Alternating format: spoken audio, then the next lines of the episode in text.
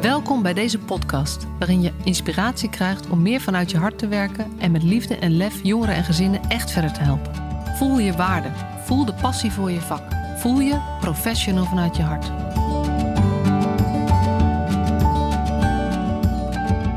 Welkom weer bij een nieuwe aflevering van de Professional vanuit je hart podcast. En vandaag ga ik in gesprek met Loes Engelen. Zij is uh, directeur zorg en behandeling bij uh, een van de afdelingen van Plurijn. En uh, Loes heeft me net verteld hoe vertakt Plurijn is. Ik wist dat al wel, maar het is toch wel indrukwekkend om dat te horen. Hele grote organisatie met onderdelen jeugdzorg, onderdelen gehandicaptenzorg. En um, nou, zij is ontzettend bevlogen om voor de doelgroep waar haar hart heel, heel, helemaal van overloopt, zeg maar, het een klein beetje beter te maken die vatten we nu heel eventjes kort samen als de LVB plus doelgroep met moeilijk verstaanbaar gedrag. Um, en um, dat zijn uh, mensen die vaak uh, heen en weer geschoven worden tussen verschillende vormen van zorg, verschillende vormen van hulpverlening, verschillende locaties, omdat het heel moeilijk is om goed bij hen aan te sluiten, zodat ze prettig kunnen leven en um, niet te veel overlast geven. Dat vind ik heel naar om te zeggen, maar dat is toch wel hoe we het vaak ervaren. En uh, speciaal voor deze doelgroep is er een project Pro. En ik weet niet waar de afkorting voor staat. Dus dat mag, uh, mag Loes zo meteen uh, ook even vertellen. Oh, weet ze ook niet, zie ik al ander gezicht. Um, en dat is een heel mooi, bijzonder samenwerkingsverband tussen allerlei organisaties. Dat zal ik later op in de podcast komt dat nog even aan de orde. Maar eerst even naar Loes. Welkom. Ja, dankjewel. Fijn ja, nou, ik, ik, zag je al knikken bij mijn, bij mijn uitleg. Dus volgens mij klopt het wat ik heb gezegd, hè, ongeveer. Absoluut klopt het. ja. ja. Mooie, mooie introductie over, uh, over mij in het vak als, uh, als directeur zorg en behandeling en in de zorg. En ook al een stukje over onze doelgroep en pro uh, gedeeld. Ja. Waar ik graag meer over wil in gesprek met jou. Ja, ja hartstikke leuk. Ja, en je bent opgeleid als psycholoog, orthopedagoog, hè, volgens mij. Orthopedagoog, ja, klopt. Ja, precies. Dus, eigenlijk zijn we gewoon weer twee vakidioten. Want ik ben ook orthopedagoog. En dat is altijd zo heerlijk. Dan ga je meteen uh, die insteken. Hey, maar voordat wij de inhoud induiken, de hamvraag of je eigenlijk in deze podcast mag. Ben jij een professional vanuit je hart? Ja, daar durf ik wel eh, volmondig ja op te zeggen. Uh, ik, uh, ik heb echt, uh, ben heel begaan met, met de mens. En ik heb niet voor niks orthopedagogiek gestudeerd. En ik hoop in, mijn, in mijn carrière het verschil te kunnen maken voor mensen met een lichtverstandelijke beperking. Omdat zij overal tussen wal en schip vallen en een leven kennen waarin ze al niet gezien zijn, niet gehoord zijn of, of verschillende traumatische gebeurtenissen hebben meegemaakt.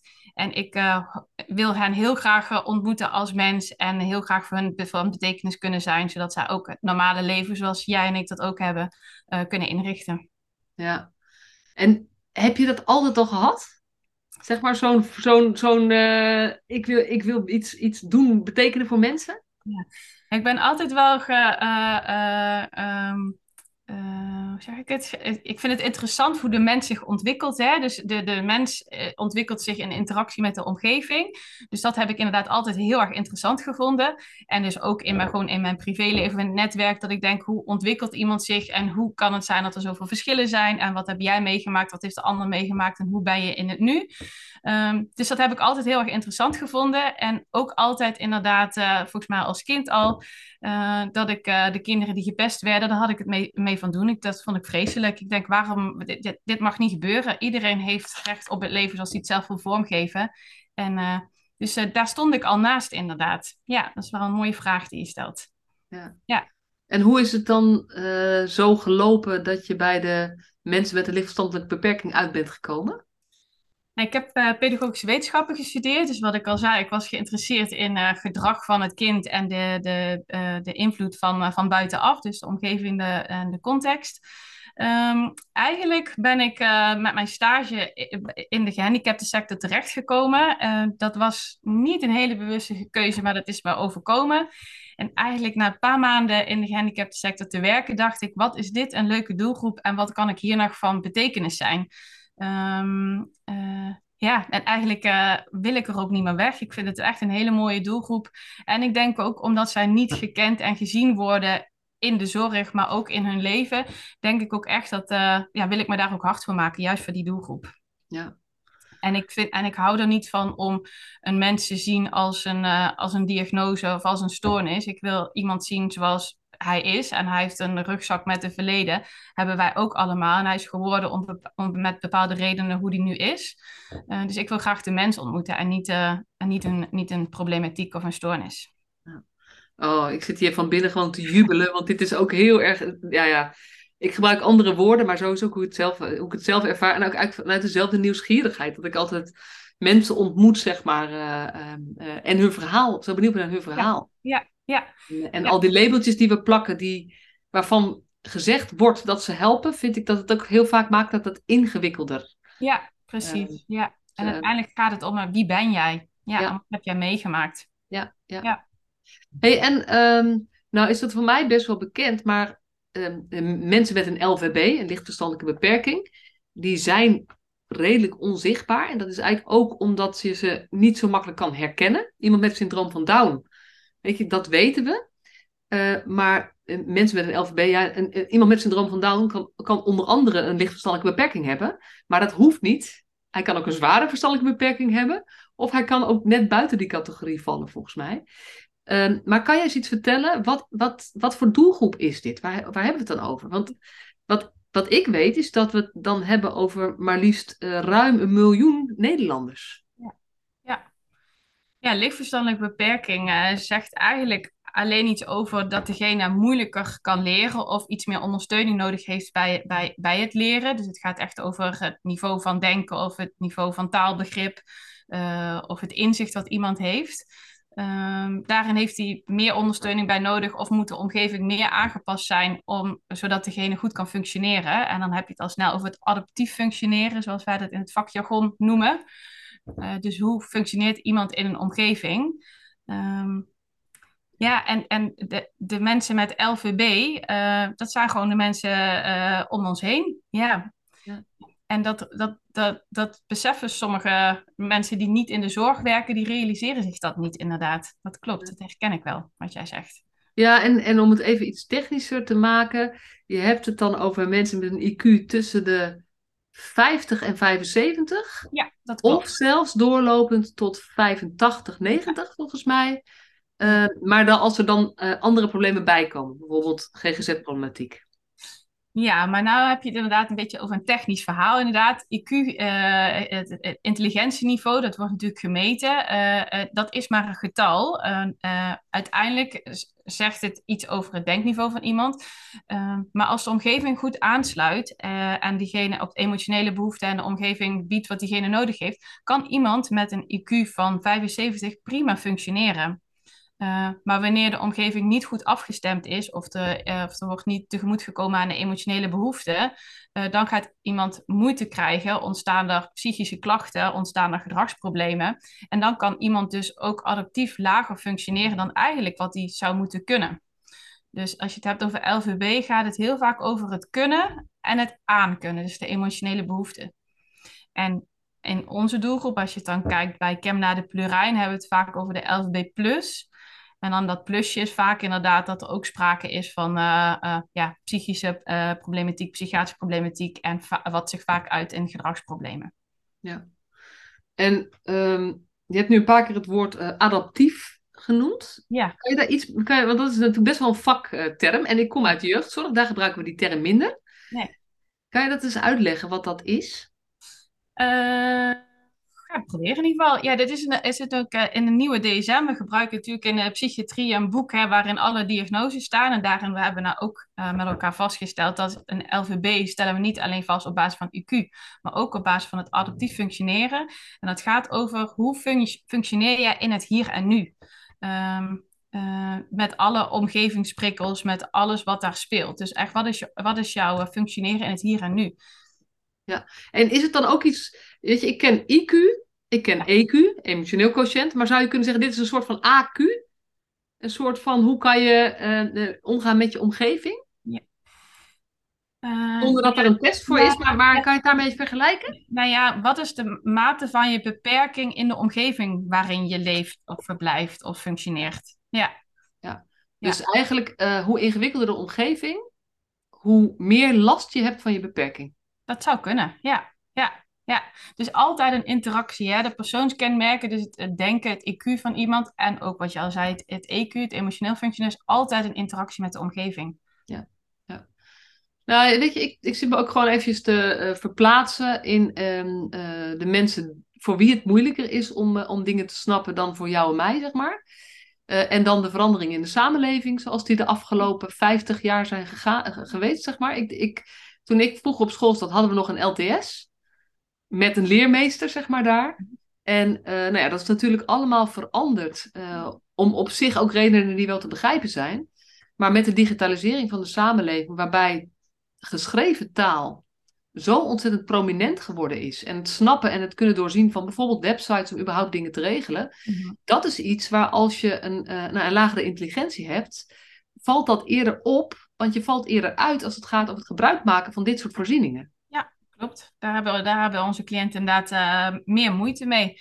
Uh, en, en hebben daar ook ondersteuning bij nodig. Ja, ja. De maatschappij eh, is complex en ingewikkeld en gaat vaak ook veel te snel voor onze, onze bewoners. Ja, ja. En ik, kan je dan ook zeggen bijvoorbeeld iets als boodschappen doen? Afrekenen bij een cashier is makkelijker dan met een zelfscankassa?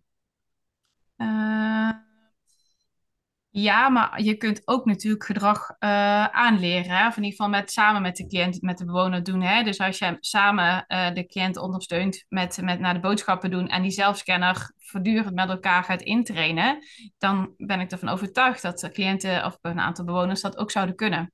Ja. Maar dat, dat, is niet vanzelfsprekend. Jij en ik kijken naar een zelfscanner en denken, nou volgens mij moeten we hier iets mee en wij kunnen verder. Uh, maar daar hebben zij ondersteuning nodig bij om dat te, te, ondertitelen of uit te leggen of voor te doen, samen doen.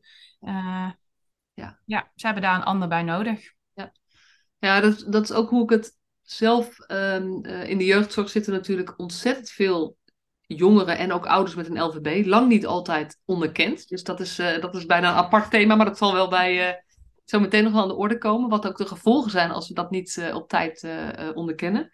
Wat ik altijd zeg is, wat zo ontzettend kenmerkend is, dat um, mensen met een lichtverstandelijke beperking leren alleen maar door te doen. Die leren, en dat is natuurlijk heel zwart-wit, maar eigenlijk leren ze niet als je het uitlegt of als je het opschrijft. Maar eigenlijk moet je het met ze doen. En moet je het ook doen in verschillende situaties. Dus is het, zeg maar, nou ja, stel je voor je laat iemand wennen of, of boodschappen doen in een bepaalde supermarkt, waar het op een bepaalde manier georganiseerd is, kan iemand daar zelfstandig in uh, worden, ook echt zelfstandig. Maar als zo iemand in een andere supermarkt die anders georganiseerd is, boodschappen moet doen, is het voor ons vanzelfsprekend om dat om te zetten naar, hé, maar hoe, oké, maar hoe, oh, dan gaan ze hier wel ongeveer zo gaan. Terwijl voor iemand met een LVB, en het is een beetje zwart-wit, maar uh, is het eigenlijk een volledig nieuwe situatie bijna ja, het generaliseren, zeg maar, hè, dus van het geleerde van het toepassen in een andere situatie of een andere omgeving of met een ander persoon, is voor onze cliënten uh, lastig. Ja, ja, dat klopt. Ja, en daar precies, moeten wij ons ook bewust van zijn dat iemand iets dus kan hier in het dorp, maar inderdaad uh, uh, dat we dat nog moeten gaan ondervinden met elkaar, samen doen, of het op een andere plek ook kan. Ja. Wat heeft hij daar dan weer bij nodig? Ja, en uh, misschien voelt het voor jou een beetje dat ik hier uh, de cliënt een beetje negatief neerzet of zo, of het problematiseer. Maar dat is omdat ik me, uh, omdat ik in trainingen bij veel tegenkom dat mensen zich echt niet realiseren wat het betekent als je een LVB hebt. En ik denk dat is best wel iets wat, ja, dat is gewoon kennisvergroting is belangrijk en, en bewustzijnsvergroting bij professionals vooral ook. Want um, als het gaat over het aantal mensen, ik geloof 1,1 of 1,3 miljoen Nederlanders hebben een LVB. Uh-huh. En als je kijkt binnen de zorg of binnen de problemen binnen het onderwijs of de mensen die bij het sociaal domein aankloppen, denk ik dat dat relatief gezien een nog hoger percentage is. Dus we komen ze allemaal tegen. Ja, klopt. Ja. ja.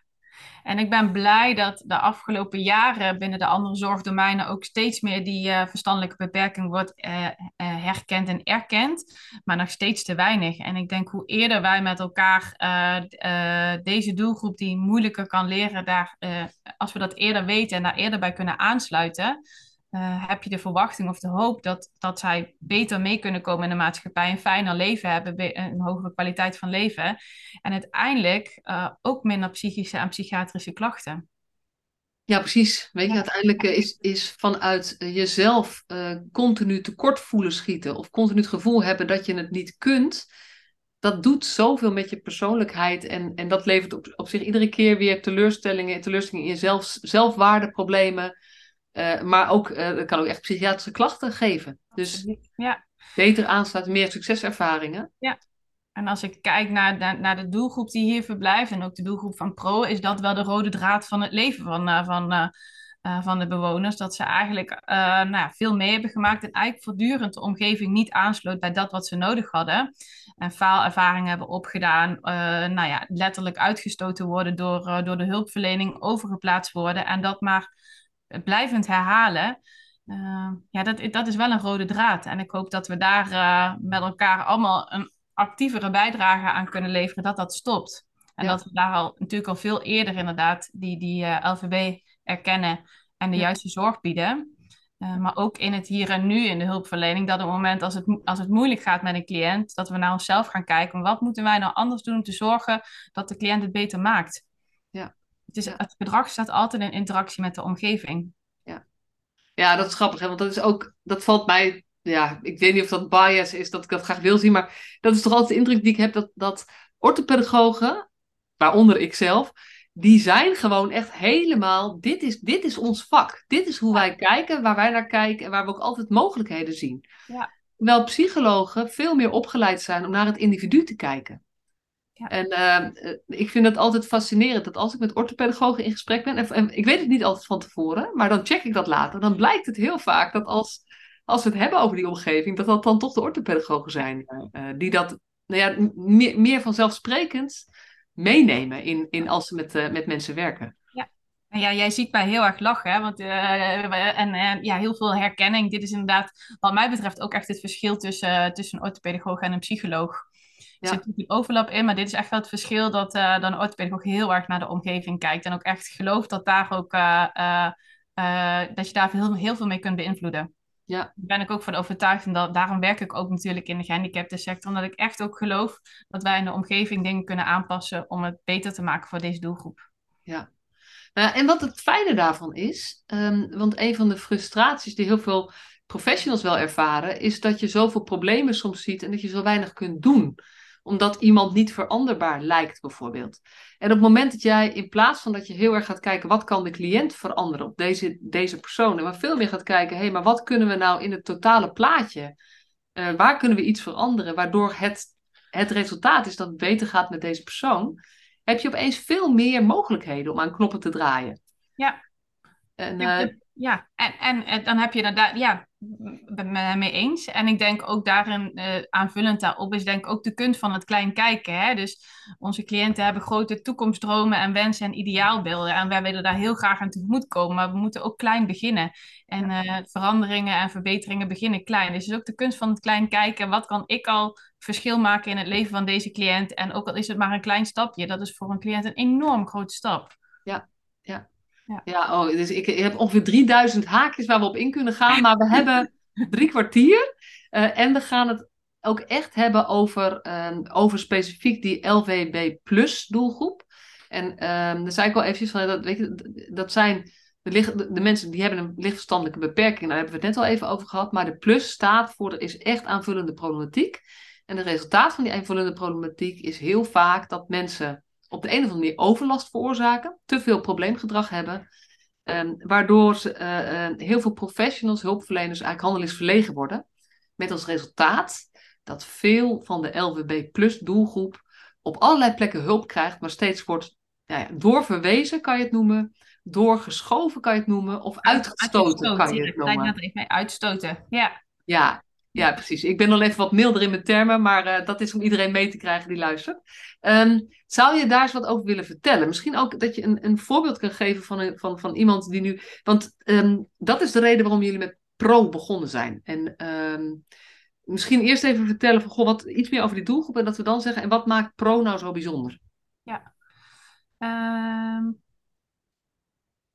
Weet even niet, ze raken elkaar wat mij betreft hoor. Want ik okay. denk, Ga maar praten, en als ik de structuur niet ja. snap, dan onderbreek ik je ja. wel. Nee, de LVB-doelgroep inderdaad, uh, uh, um, nou, we hebben het erover gesproken, heeft veel meegemaakt hè, en laten daar ook gedragsproblemen door zien. En je ziet vaak dat hulpverlening niet weet hoe, hoe ze met dat gedrag om moeten gaan. En dat is het moment dat ze zeggen, wij, wij, wij kunnen het niet meer, de cliënt wordt doorgeplaatst naar elders. De pro-cliënten hebben dat um, veelvuldig meegemaakt, maar ook heel veel andere LVB-cliënten. En als je kijkt naar het pro-initiatief, wat in 2018 is ontstaan in samenwerking met het CCE en Trajectum, ASVZ en Plurijn. Wij hebben gezegd, dit willen wij niet meer. Wij willen niet dat cliënten voortdurend doorgeplaatst worden naar andere, naar andere plekken. Wij willen onvoorwaardelijk verblijf. Ja, ik ga je heel even onderbreken.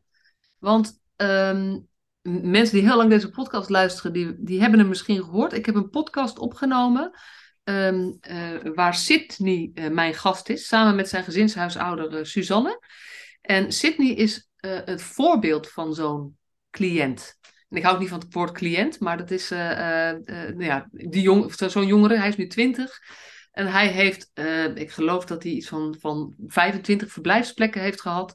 En hij zegt binnen dezelfde organisatie ging ik van crisis naar gesloten, naar open, van naar crisis naar gesloten, naar open.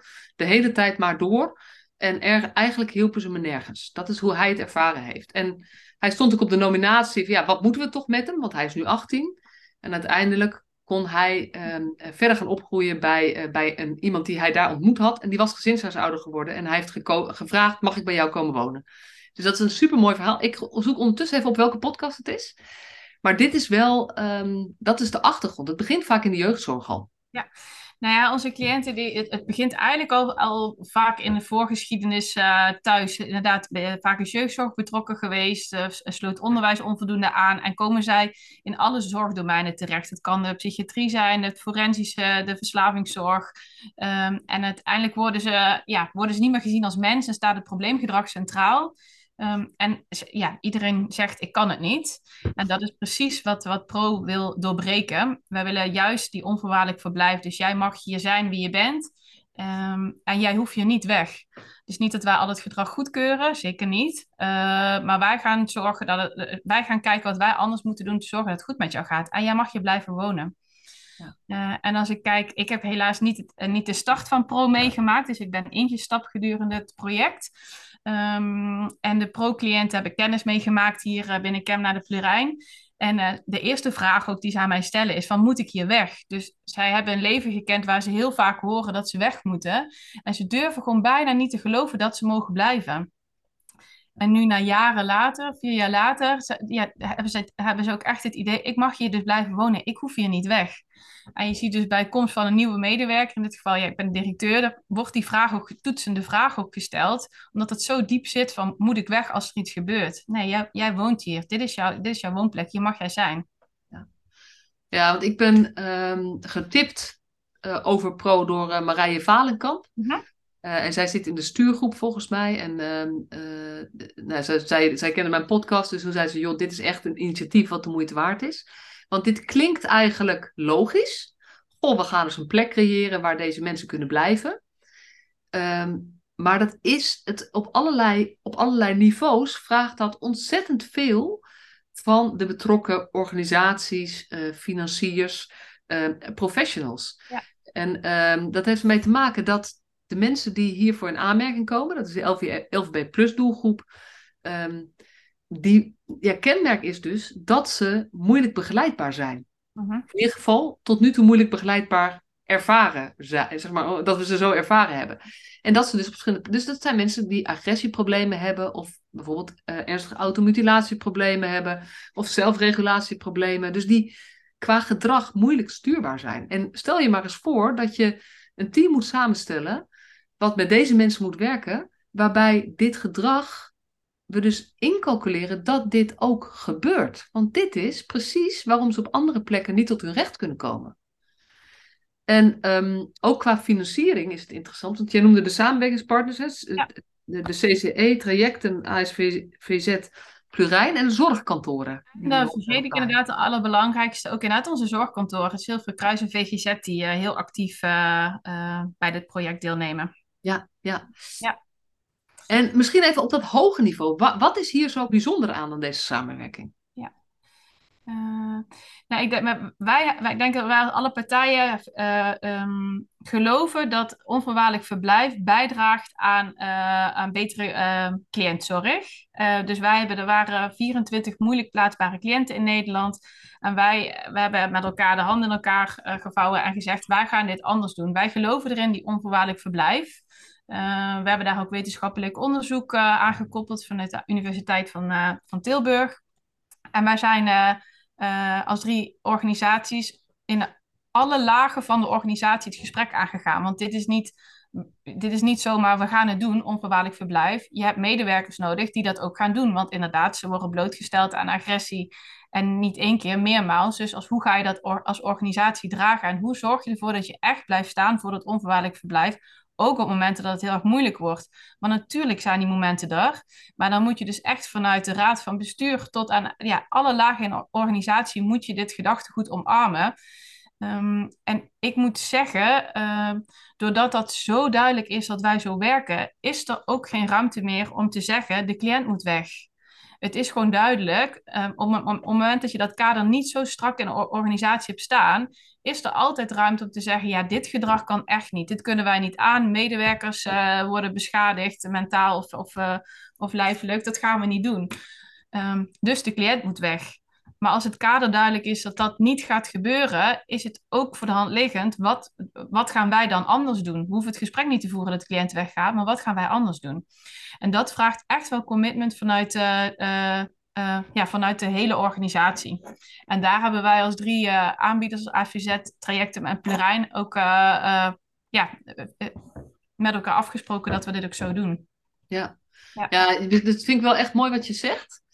En ook wel een, uh, nou ja, een oproep aan, uh, aan, aan, mensen op plekken met invloed, zeg maar, uh, die hier naar luisteren.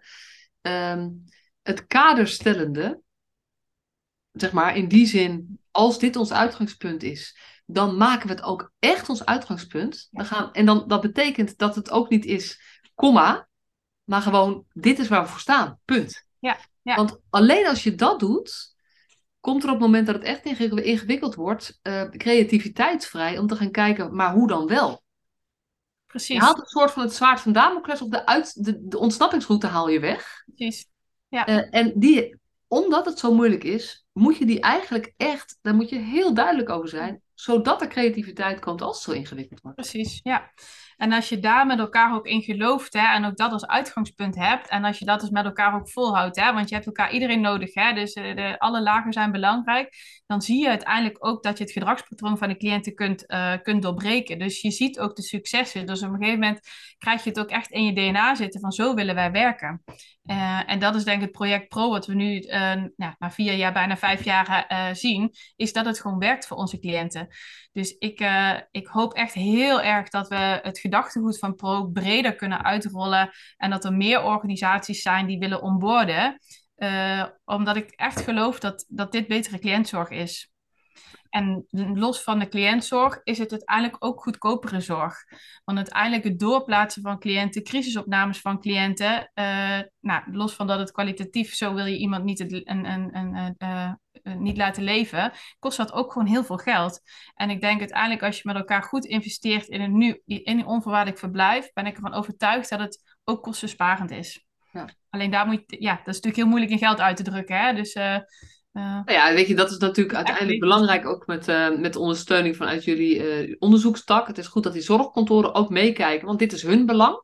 Ja, absoluut. Dat is echt belangrijk. En, en dit is, dat is gewoon wel belangrijk om te realiseren. Uiteindelijk is het goedkoper, maar ja. niet het eerste jaar. Dit, uiteindelijk zit de winst in dat je dit dus gaat doen voor de lange termijn. Um, ja, zeker. Dit is inderdaad een duurzame du duurzaamheid. Zeker, absoluut. Ja. En het ja. zit natuurlijk op, de, op cliëntniveau met uh, financiën, maar ook het maatschappelijke. Hè? Dus je, het, we hebben samen de missie natuurlijk ook om maatschappelijke problemen uh, te verminderen. Ik denk als we dus deze goede zorg kunnen bieden, heb je daar ook minder problemen. Dus het, het, je, je schaakt op meerdere borden waar het uiteindelijk succesfactoren zijn. Nou, en ja, ik hou ook van het gesprek over financiën, want wat ik vind dat we veel meer zouden moeten doen, is het totale eerlijke financiële plaatje meerekenen. Dat als deze mensen op een andere, zeg maar, op een andere plek toch niet op de juiste zorg krijgen en daardoor flippen en daardoor, nou ja, in bewaring gesteld moeten worden, omdat het te, te onvoorspelbaar en te gevaarlijk wordt, dat hoort ook bij het kostenplaatje. Dus als je dat kunt voorkomen, doordat je eigenlijk de mensen meer het gevoel geeft: oh ja, weet je, ik, hey, ik kan gewoon leven en ik, ik krijg steeds meer tools om, om met mezelf om te gaan, waardoor ze nog wel flippen, maar niet meer zo extreem flippen. En misschien op een gegeven moment wel minder flippen, maar weet je, dat, maar niet als de scherpe kantjes eraf gaan. Daar, dat hoort erbij, wat mij betreft. En, en dat vind ik wel een probleem in hoe we in Nederland kijken. Dat al, ook de financiën zo in segmenten opgedeeld is. Dat we alleen maar kijken, maar is het zorgtechnisch goedkoper? Ja of nee? Dan kan het wel of niet. Terwijl die maatschappelijke onrust, maar ook de maatschappelijke kosten heel erg meewegen. Zeker, zeker. Ja, ja. Ja. Nee, zeker. Dus, dus dat is zeker, uh, uh, draagt dat ook bij, los van de kwaliteit van leven echt. Want ik zie bij onze bewoners uh, ja, hoe zij nu leven en hoe zij terugkijken op hun leven wat ze hebben gehad. Dat, dat is natuurlijk het allerbelangrijkste. Hè? Dat zij nu het normale leven hebben en een gewoon ritme hebben en naar werk kunnen gaan. En dat ze hier mogen blijven, dat staat voorop. En uiteindelijk inderdaad is het, is het goedkopere zorg. Ja.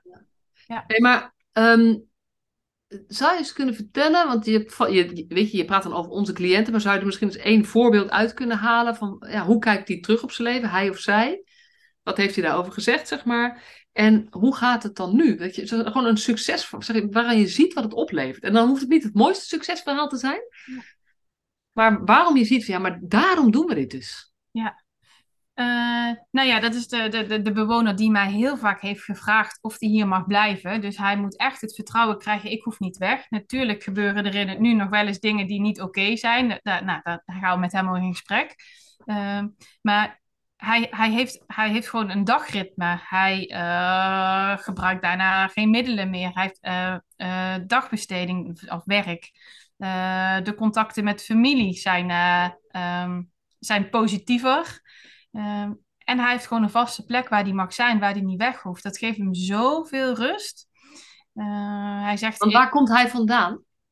Waar niet, laat ik het zo zeggen. Nee, dit is een, een, een bewoner die uh, alle zorgdomeinen heeft gekend. Ik, uh, ik, ik denk dat ik niet lieg als ik zeg dat er meer dan 50 verschillende plekken zijn geweest.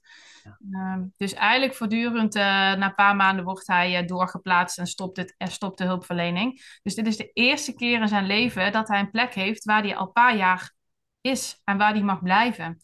Dus dat is voor hem ongekend. Hij kan het eh, ja, tot de dag van vandaag ook, gaat, gaat het zo goed, bijna niet geloven dat hij hier gewoon mag blijven.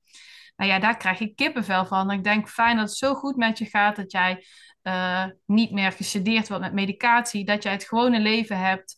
Um, en dat jij hier gewoon gelukkig bent. En dat, dat je hier ook niet weg wil. Dat dit, dit ook voor jou echt de plek is.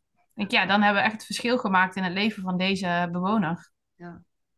Ja, dat raakt me ook echt wel. Want dat is een van de dingen die me bij, bij, bij jeugd altijd al zo opvalt. En ik, nou ja, tot nu toe was mijn focus iets minder ook op de volwassenen. Maar als ik me al voorstel van kinderen die uh, vaak doorgeplaatst worden. Weet je, stop de carousel hadden we natuurlijk. Nou, daar we ook zoveel voor. En ook Janneke de jeugdzorgtapes of Alicia. Dat je ziet hoeveel plekken kinderen wonen, verblijven.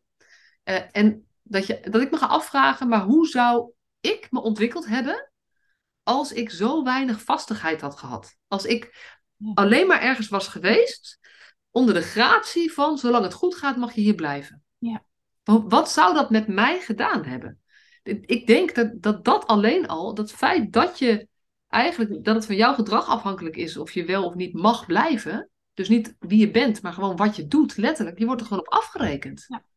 En hoe ingewikkelder eigenlijk je problemen zijn, hoe meer we gaan afrekenen op gedrag. Ja, ja dat is inderdaad het patroon dat vaak het gedrag centraal stond in het leven van deze mensen. En daardoor continu die afwijzing en, uh, en teleurstelling. En dat is wat je met pro probeert. Uh, met pro sta je niet meer voor het gedrag staat centraal, maar de mens staat centraal.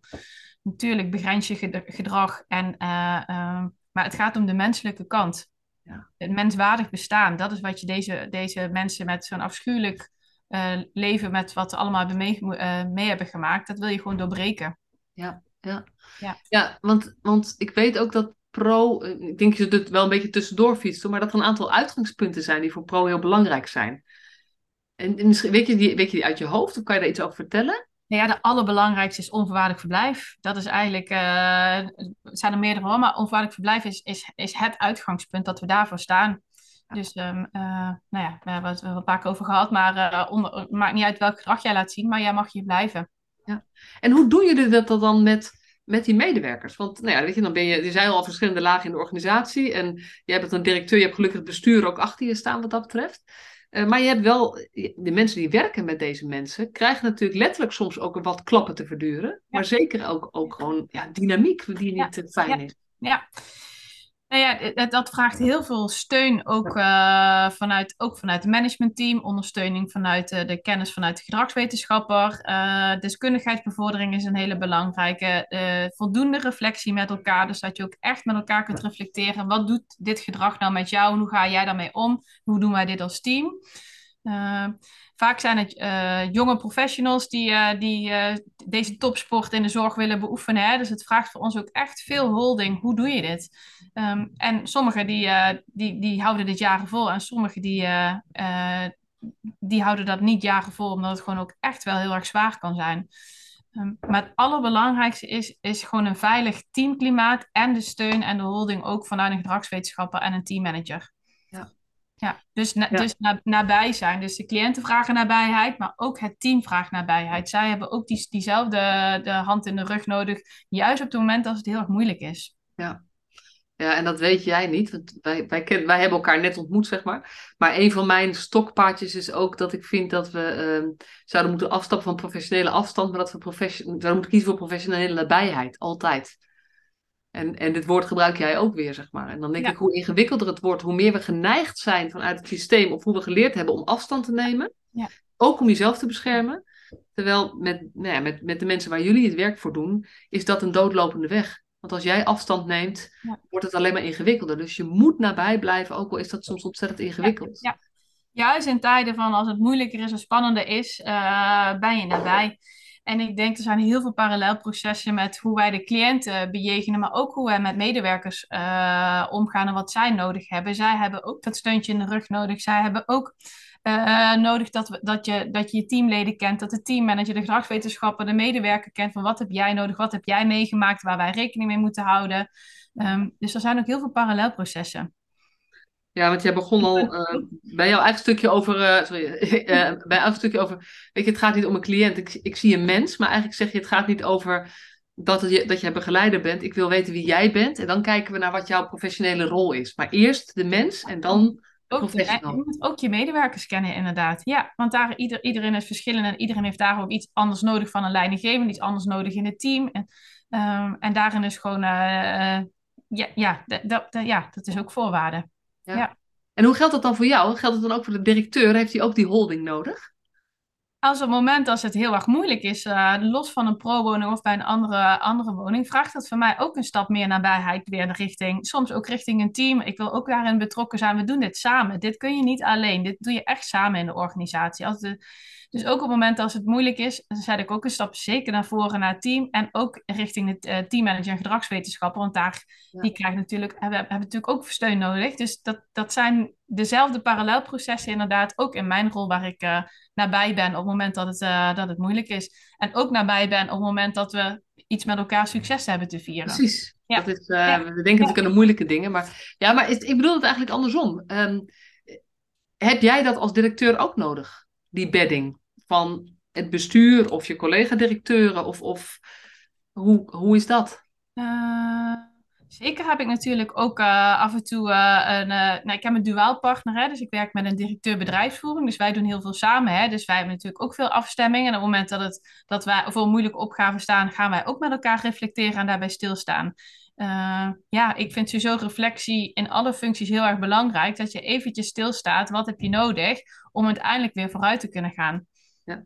ja, het is wel leuk, want we hebben het intussen over leiderschap. Hè? En andere vormen van leiderschap dan wat wij jaren gewend zijn geweest. Ook binnen, zowel binnen de jeugdzorg, binnen de gehandicaptenzorg ook, waar toch vrij veel uh, nou ja, sturend leiderschap is geweest. En dit gaat veel meer over dienend leiderschap. Of uh, female leadership, zoals het ook wel eens noemen. New female leadership.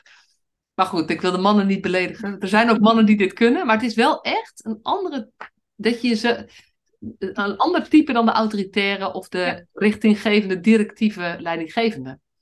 het is, het, is, het is minder de hiërarchische aansturing, maar veel meer we doen het samen. Ja. Uh, ja. ja. Ja, ook dat veel meer mensgericht. Ja. Dus dat is eigenlijk het, het woord wat bij mij heel erg opvalt in alles wat je zegt. Dat, het gaat bij, bij iedereen gaat het om de mens. Het gaat ook om de mens die jij bent. En met jouw eigen kleur geef je ook weer deze functievorm of zo. Ja. Uh, en, en je rolvorm, uh, zeg maar. En, en ik geloof zelf heel erg in dat als we dit meer doen, dan veranderen we de, de zorg gewoon naar liefdevoller en gelijkwaardiger. Wat we eigenlijk allemaal willen. Maar dat begint ook bij een andere, nou ja, op deze manier zeg maar met elkaar omgaan. En daar is leiderschap een onderdeel van. Ja. En dan heb je een parallel proces dat nou ja, mensen toch vaak kijken naar wat doet de baas. Dus ja, als de baas het op uh, zus doet, dan zie je meer van zusgedrag. En als de baas het zo doet, zie je meer van zo gedrag. Tenminste, ja. Ja, ik weet niet of jij daar iets van uh, herkent. Nou ja, de, de baas, zeg maar, de, de, daar ga ik al een beetje op aan. Dan denk ik, uh, we hebben allemaal een andere rol met een andere functie. Dus ja. ja, en weet je, en dat, dat vind ik ook, hè? En Ja. toch. ja, En toch is het zo dat mensen wel kijken van, maar, maar wat doet... Als je de, de titel directeur hebt, ja, dan ben je toch ook een beetje de baas nog. Niet op de ouderwetse manier, maar natuurlijk, natuurlijk. Ja. Ehm, ja, jij vraagt om een voorbeeld waarin ik dat terugzie. Nou, of herken je dit, zeg maar? Is dit iets waar je bewust mee bezig bent? Misschien is dat een betere vraag. Zeker, ja, zeker. Ja. ja, zeker ben ik daar bewust mee bezig. En vooral richting mijn eigen team. Hè. Dus de, de, ik sta natuurlijk iets meer op afstand van de, van de bewoners en van de eh, begeleidende teams. Maar ik sta natuurlijk heel nabij bij mijn team van eh, eh, behandelaren en het team van teammanagers, wat ik natuurlijk eh, mede aanstuur. Ja, daar herken ik dat zeker. Ja, Ja, precies. En eh, ja, ik, ik geloof er ook echt in. Hoor. Ik, ik geloof in dat we de zorg een stuk liefdevoller en gelijkwaardiger moeten maken, maar ook heel makkelijk kunnen maken door dit wat meer te doen. Ja. En dan hebben we heus niet alle problemen opgelost. Maar ja, iedere, ieder stap de goede kant op is weer winst of zoiets. Zo zie ik het Ja. zelf ook wel. eh, ja. En we hebben het vaak ook over de visie van de cliëntzorg, hè? dus de persoonsgerichte zorg. Hè? Dus ken je, ken je bewoner, nou, dat sluit aan bij wie die is. Maar datzelfde geldt ook gewoon met medewerkers en met collega's. Nou, precies. En, en weet je, het raakt me ook wel wat je zegt, want het zijn vaak jonge collega's. Dat zegt mij ook iets van, van echt eh, eh, in verbinding kunnen blijven met deze doelgroep die zo dynamisch is in hun gedrag. Is, te is ingewikkeld te combineren met als je thuis drie jonge kinderen hebt, bij wijze van spreken, kan ik me voorstellen. Ja. Dat het gewoon zo'n beroep doet op, op, op je, ook je emotionele balans, zeg maar. eh. Ja, er zitten natuurlijk veel verschillen tussen medewerkers. Hè? En dat is dus het gesprek wat je met medewerkers moet hebben. Hè? Van hoeveel uur hou jij het vol op het werk om, om, om zo eh, onder toch wel eh, hectiek en dynamiek te werken? Hè? Wat kun je aan? En dat kan inderdaad laveren op basis van de eh, levensfases. eh, Of, of ja, of noem maar op. Ja. Eh, maar daarom is het zo belangrijk om ook goed in contact te zijn met die medewerker. ja, ja. Want je- we hebben de medewerkers en het team, je hebt ze nodig om deze zorg te kunnen bieden. Dus het is echt wel, ja, die moeten echt staan. Ja. Dus dat is ook Ja. heel belangrijk. En zij moeten echt gezien worden in, in wie ze zijn en wat, ze, welk, wat, ja, wat we van ze verwachten in het begeleiden van deze complexe doelgroep. Ja, en het mooie vind ik dat, dat dat zo is omdat we betere cliëntzorg willen leveren. Niet omdat we de. We vinden het natuurlijk belangrijk voor de medewerkers. Maar uiteindelijk gaat het er ook over dat we allemaal een overstijgend doel hebben. Dat we het beter willen doen dan wanneer we minder bewust zouden werken, zeg maar. Dat is toch ons overstijgende belang met z'n allen. Zeker, zeker. En daar ga je voor alles voor, eh, voor inzetten. Ja. Hey, je vertelde dat eh, eh, het is een, een groot samenwerkingsproject, zeg maar. Ook eh, VWS is er ook bij betrokken, dus het ministerie. Dus die kijkt ook zeer geïnteresseerd mee. Want nou ja, dit is natuurlijk een groep mensen waar veel, nou ja, ook, ook maatschappelijk veel vragen en zorgen over zijn. Hoe doen we dit nou goed? En je vertelde, zijn, eh, jij komt natuurlijk bij Plurijn. Er zijn, eh, jullie project zit in de buurt van Nijmegen, Arnhem. Ja, Plurijn is een grote organisatie en locatie Kemnade ligt in Groesbeek. En Groesbeek is een dorp wat eh, tegen Nijmegen aan ligt, inderdaad. Van de Ja. Vierdaagse ken ik die naam, zeg maar. Dat. Ja, ja, Ja, Ja. ja. En, en er zijn dus, eh, jullie hebben een locatie met, van Pro met acht cliënten. Ja, we hebben acht bewoners en die verblijven in twee keer. eh, eh, we, ja, we hebben vier appartementen, dus dat is één, één woning. Daar hebben echt eh, de bewoners een volledig eigen appartement. En dan hebben we nog een woning, meer een groepswoning met vier bewoners. Ja, ja, Net wat bij hen het beste past en het beste aansluit. ja, ja. En je vertelde, er zijn nog twee andere organisaties. Ja. Trajectum en ASVZ. En waar is, waar is dat gesitueerd? Trajectum ligt in het um, oosten van het land.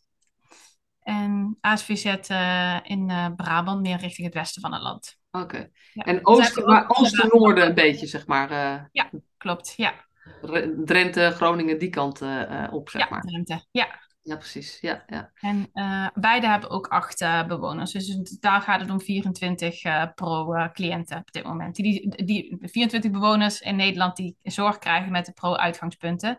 Ja. En wij hopen heel erg dat er meer organisaties zich melden om met dit gedachtegoed te gaan werken.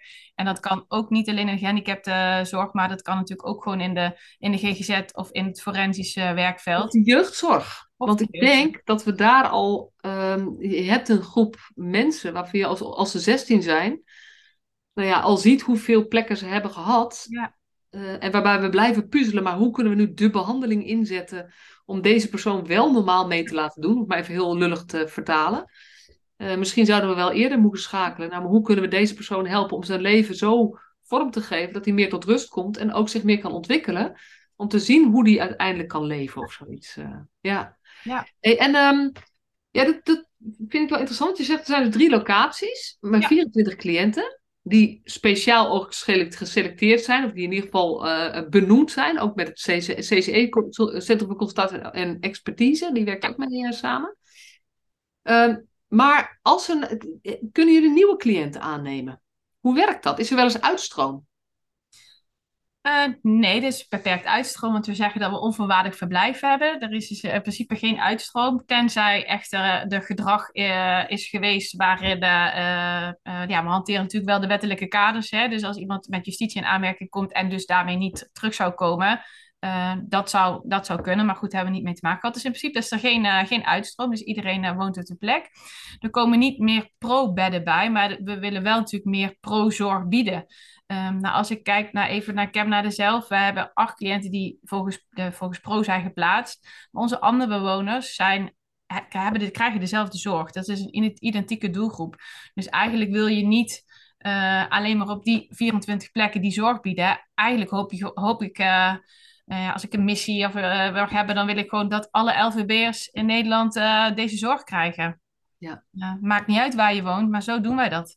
Ja. Dus dat is ook, we hebben echt als, pro, als projectgroep echt wel een actieve bijdrage om dit patroon van uitstoting uh, of doorplaatsen te willen doorbreken. En dat maakt ook dat we bezig zijn met het ontwikkelen van een onboardingsprogramma voor andere organisaties.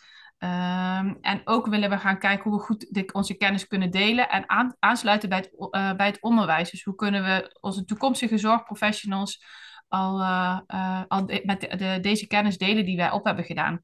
Zodat ja. zij al ja, die kennis meenemen op het moment dat ze gaan starten in een carrière. Ja.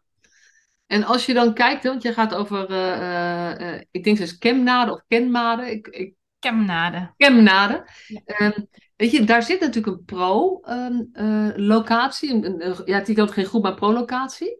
En nou ja, jij zit er, je bent daar helemaal zeg maar, van op de hoogte, zit er middenin. Uh, merk je nou dat het ook invloed heeft op de andere uh, uh, plekken die jullie hebben bij uh, Kennade? Ja, zeker. Nou, bij, bij start, bij Pro, uh, wisten, ja, hadden begeleiders, nou zijn het andere cliënten, wat kunnen we daarin verwachten? Dus het heeft ook tijd nodig gehad om de, om de Pro-cliënten te leren kennen en te zien wie zij zijn. En daarin werd eigenlijk al heel snel op binnen Chemnade ook gezegd van, nou, dit zijn echt onze LVB-cliënten. Hebben echt wel moeilijk gedrag, maar het zijn wel gewoon de, de bewoners die wij kennen. Uh, en wij staan al in onze missie en visie voor die onvoorwaardelijke zorg en onvoorwaardelijk verblijf. Dus uh, en dit heeft ons alleen maar nog meer gesterkt. En zeker nu door de jaren heen, dat je ziet, dit is gewoon echt, nu maakt het verschil voor onze bewoners. Uh, dus dat gedachtegoed wordt breed gedragen. Dus of je nou op de pro-woning woont of op huis X, uh, wij dragen deze, dit uit. Dit is echt onze missie. Ja, ja. dat is waar. En, en wat dat betreft is het ook niet een radicale ommezwaai volgens mij. Het is ook gewoon geleidelijk aan hier steeds sterker in worden, steeds vasthoudender, vastberadender in worden. En daardoor ook steeds meer eh, zelfvertrouwen krijgen hoe je dit met elkaar kunt doen. Dit is ook vallen, opstaan, proberen. En iedere dag proberen weer een beetje beter hierin te worden, denk ik. Ja, en, en ook geloven dat je op deze manier zo'n gedragspatroon kunt verbreken, uh, doorbreken. Hè? Dus daar ook echt met elkaar het vertrouwen in hebben. Uh, en als je dat op een gegeven moment ook met elkaar dat kunt zien, dat je echt het verschil kunt maken in het leven van deze bewoners, ja, dat sterkt natuurlijk om, heel, om dit gedachtegoed gewoon te blijven uitdragen. Ja. Dat wij dus niet willen dat een cliënt negatief, wordt, negatief verhuist, ja, of negatief uitstroomt. Maar als iemand verhuist, is dat altijd positief omdat hij dichter bij zijn familie wil wonen of, of om uh, persoonlijke redenen, maar niet omdat, een, omdat de zorgaanbieder niet meer de zorg kan leveren. Ja, ja. Ja, en dat is wel, dat is echt zo wezenlijk. En wat dat betreft denk ik Ehm, dat, dat ieder procentje dat we dit meer als gedachtegoed meenemen op alle plekken in Nederland, is gewoon winst. Ja, absoluut. En, en uh, want, want ik hou ook heel erg van om het um, uh, behapbaar te maken en ook uh, mensen die luisteren aan denken te zetten. Oké, wat kan ik hier nu mee? Je hoeft dus niet te wachten tot je aangehaakt bent bij Pro, zeg maar om hier iets mee te kunnen. Weet je, dat helpt wel. En, en daar kan je voor kiezen. Van, hey, kan ik, maar je kan het beginnen met het gesprek openen in je organisatie. Ik heb hierover gehoord. En eigenlijk herken ik dit wel, want wij hebben ook jongeren of, of bewoners of cliënten, hoe, nagelang je ze noemt, die we eigenlijk op, op verschillende afdelingen steeds terugzien. Ja. En die personen doen wij geen recht. En eigenlijk helpen we ze ook niet echt. En dat weten we met z'n allen. En toch blijven we het doen. Ja ik hoop dat als mensen deze podcast luisteren, dat ze daarin geïnspireerd worden en nieuwsgierig worden naar hoe, ja, hoe Pro eruit ziet. En dat ze inderdaad het gesprek met, uh, met de teamleden of met, uh, ja, met een collega daarover gaan voeren. Ja. En als ze willen, kunnen ze ook nog op uh, het kennisplein van de gehandicapte sector kijken. Daar staat ook een, een tekst over Pro en daar kan ook informatie opgevraagd worden. En ik zou ik vooral hen uitnodigen als zij denken van nou, wij willen ook met deze uitgangspunten gaan werken. Wij, kunnen dit, wij, wij, wij, uh, ja, wij willen dit. Ga ook vooral het gesprek aan met het zorgkantoor. Zodat je daarin ook samen met het zorgkantoor kijkt van hey, deze visie, dat is echt gewoon waar je het verschil kunt maken bij onze cliënten. Uh, uh, betrek ze daarbij.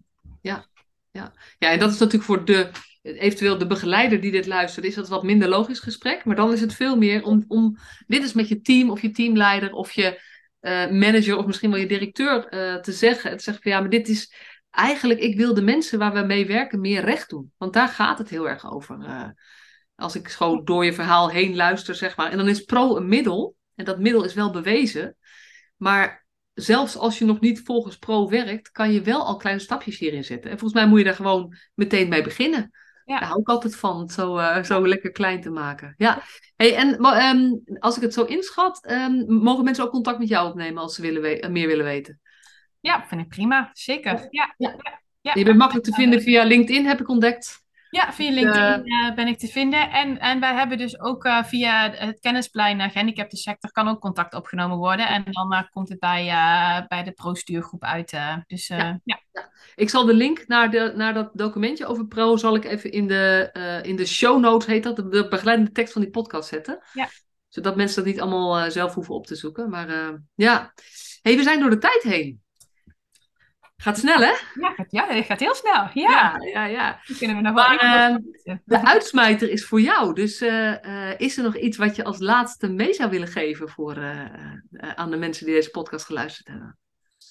Nou, volgens mij hebben wij een mooi gesprek gehad en heb ik een inkijkje kunnen geven over wat pro is en wat on onvoorwaardelijke uh, zorg is. En ik hoop dat ik mensen uh, geïnspireerd heb of in ieder geval uh, nieuwsgierig heb gemaakt. En ik hoop vooral dat het goede gesprek wordt gevoerd daar waar, waar cliënten vastlopen of een team vastloopt om uiteindelijk ja, een bijdrage te kunnen leveren aan een beter bestaan voor, voor onze doelgroep. En echt blijf de mens zien zoals die is. En uh, ga niet uh, af op alle diagnoses in het dossier, maar zie de mens. Dat is niet wel een mooie voor wat ik mensen mee wil geven. Ja, en, en vooral op het moment dat uitplaatsing, we noemen dat dan doorverwijzen, doorplaatsing, maar eigenlijk is het uitplaatsing, uitstoting. Op het moment dat dat dreigt, eigenlijk dan moet je hier eens over gaan nadenken of wellicht je hier wat, wat meer mee zou kunnen en, en we daardoor net een klein beetje mooier kunnen maken. Ja, precies. Dankjewel Loes. Ja, Heel graag gedaan.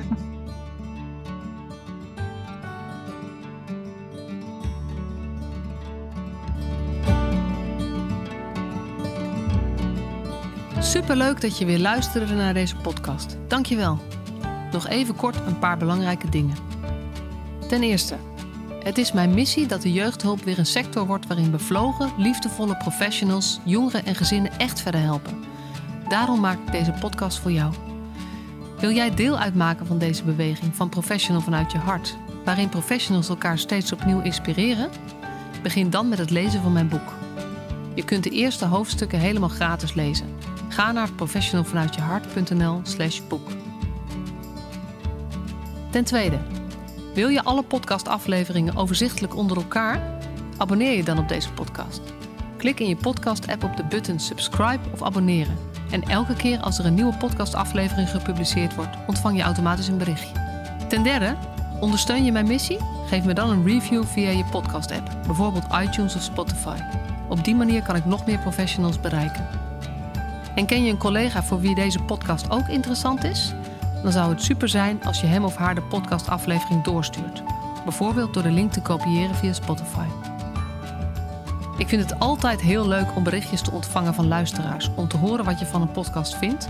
Of als je misschien vragen of suggesties hebt. Of als een aflevering je een bepaald inzicht heeft gegeven of er iets in beweging is gekomen. Stuur me dan even een berichtje op masha.professionalvanuitjehart.nl via de website of stuur me een connectieverzoek op LinkedIn.